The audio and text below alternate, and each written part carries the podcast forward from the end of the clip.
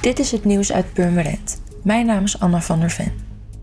Gistermiddag rond half twee middags heeft een aanrijding plaatsgevonden op de kruising van Amperestraat met de Edisonweg. Een vrouw is hierbij gewond geraakt. Ze is met onbekend letsel vervoerd naar het ziekenhuis. En van 10 tot 19 mei is het weer zover. Er is dan weer onze kermis in de binnenstad. Er staat dit jaar weer een mooie mix van zo'n 40 verschillende attracties. Dit jaar is de kermis wel iets kleiner in omvang dan voorheen. Dit komt door de bouwwerkzaamheden in de binnenstad. Dit jaar is er een speciale prikkelarme kermis op donderdag 16 mei van 2 tot 4 uur s middags. Deze attractie heeft minder prikkels dan alle andere attracties, bijvoorbeeld voor mensen met een lichamelijke of verstandelijke beperking.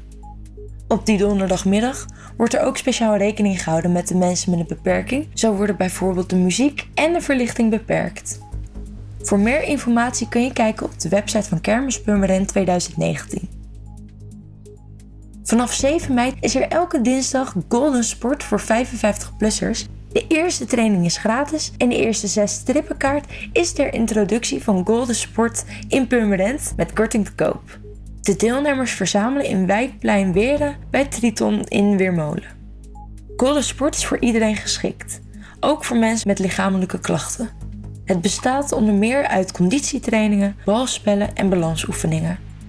Meer informatie over de Golden Sport staat op www.goldensport.nl en op de website van Spurt. Voor meer nieuws kijk je of luister je natuurlijk naar RTV Purmerend, volg je onze socials of ga je naar rtvpurmerend.nl.